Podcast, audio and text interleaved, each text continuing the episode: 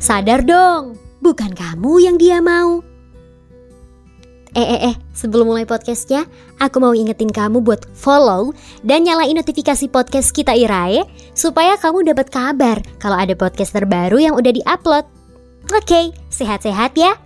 Selamat mendengarkan. Dia tahu kalau kamu suka sama dia. Dia tahu kalau kamu nyindir dia lewat semua postinganmu. Dia juga tahu kalau kamu benar-benar ingin banget sama dia. Tapi dia nggak ngerespon kamu kan? Kenapa coba bisa gitu? Ya, karena bukan kamu yang dia mau.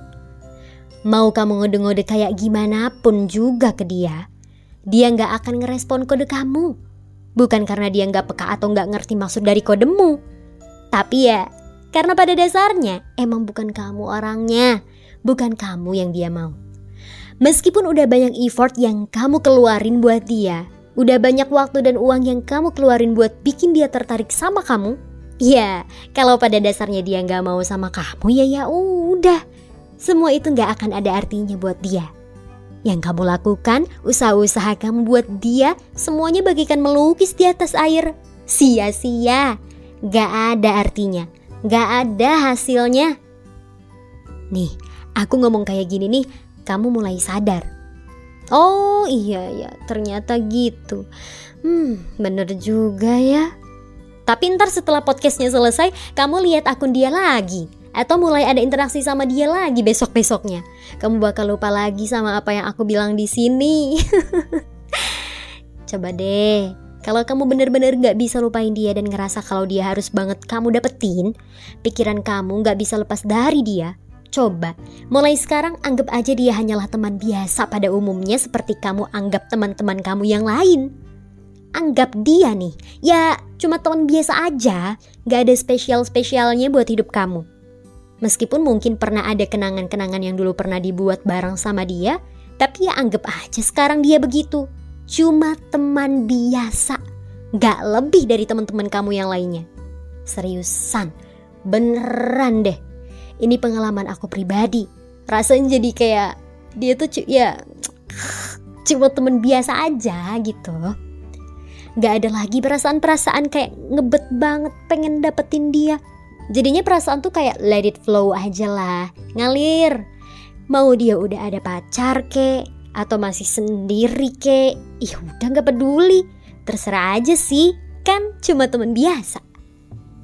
Ini beneran pengalaman pribadi dari yang biasanya suka ha ngehaluin dia tuh, halu ya halu. Sebelum tidur tuh masuk ke mimpi suka ngehaluin dia dulu. Begitu aku anggap dia seperti teman-temanku pada umumnya, teman yang biasa-biasa aja, gak begitu spesial, mulai mengurangi perhatian dan fokusku ke dia. Ya, jadinya gini perasaannya, flat ke dia, gak semenggebu-gebu kemarin. Setelah mulai menganggap dia biasa-biasa aja, perasaanku ke dia jadinya mulai kayak, iya ya, ternyata dia biasa-biasa aja ya. Terus kenapa aku sampai segininya perasaanku ke dia kemarin? Nah, dengan perasaan kamu yang mulai menganggap dia biasa-biasa aja, ini bisa menghindarkan diri kamu dari perasaan nyesek kalau lihat dia posting pacarnya. Menghindarkan kamu dari perasaan kecewa mengetahui kalau ternyata dia maunya sama orang lain, bukan sama kamu. Ini bisa bikin kamu jadi lebih tenang dan gak lagi mikirin tentang dia. Soalnya ini yang aku rasain sendiri nih. Kenapa nih kemarin-kemarin kok rasanya dia kayak spesial banget ya buat aku. Padahal aku dan dia sama sekali belum memulai suatu hubungan. Alias kita masih dalam hubungan yang teman. Tapi bukan sekedar teman sih. kayak teman yang deket banget gitu. Teman yang suka curhat dan ada baper-bapernya dikit lah di dalam hubungan pertemanan itu. Kenapa aku bisa ngerasa kayak gitu sedangkan dia rasanya kayak biasa aja sih ke aku? Ya, sebabnya karena aku terlalu ngasih perhatian lebih ke dia. Terlalu sering mikirin dia dan terlalu ngebet pengen dapetin dia. Dan perasaan kayak gitu bener-bener ngeganggu banget. Apalagi kalau misalnya cuma sepihak ngerasain perasaan kayak gitunya. Dia mah bodoh amat sama hidup kamu. Bodoh amat sama perasaan kamu. Kamu mau gimana pun dia nggak peduli. Makin sakit deh kayak gitu.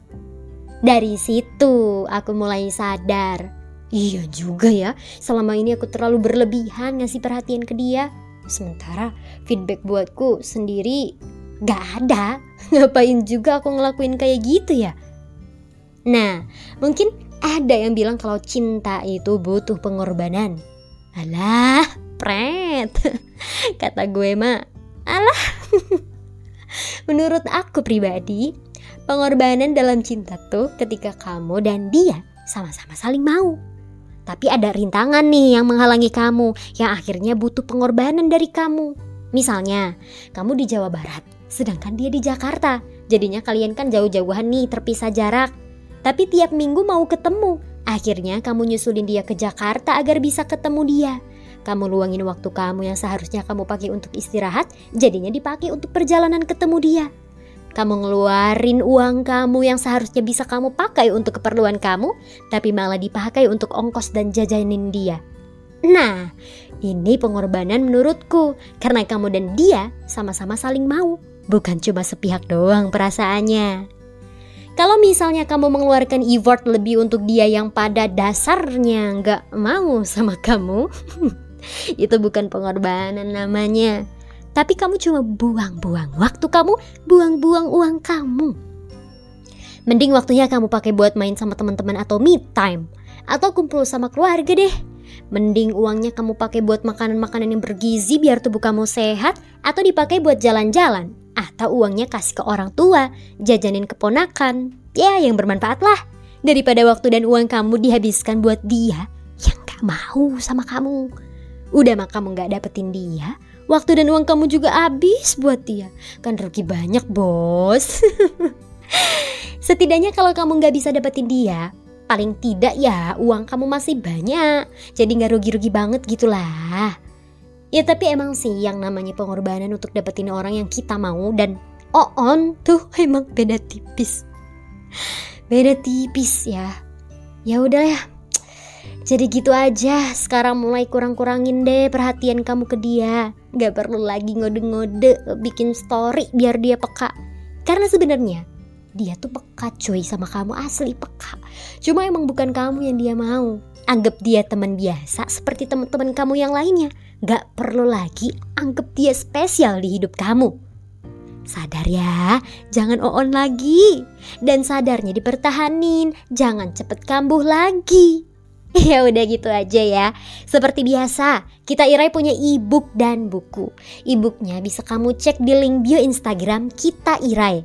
Buku Ruang Diri ada di Marketplace dan buku teman yang tepat untuk perjalanan yang lambat ada juga di Marketplace dan tersedia di Gramedia terdekat di tempatmu.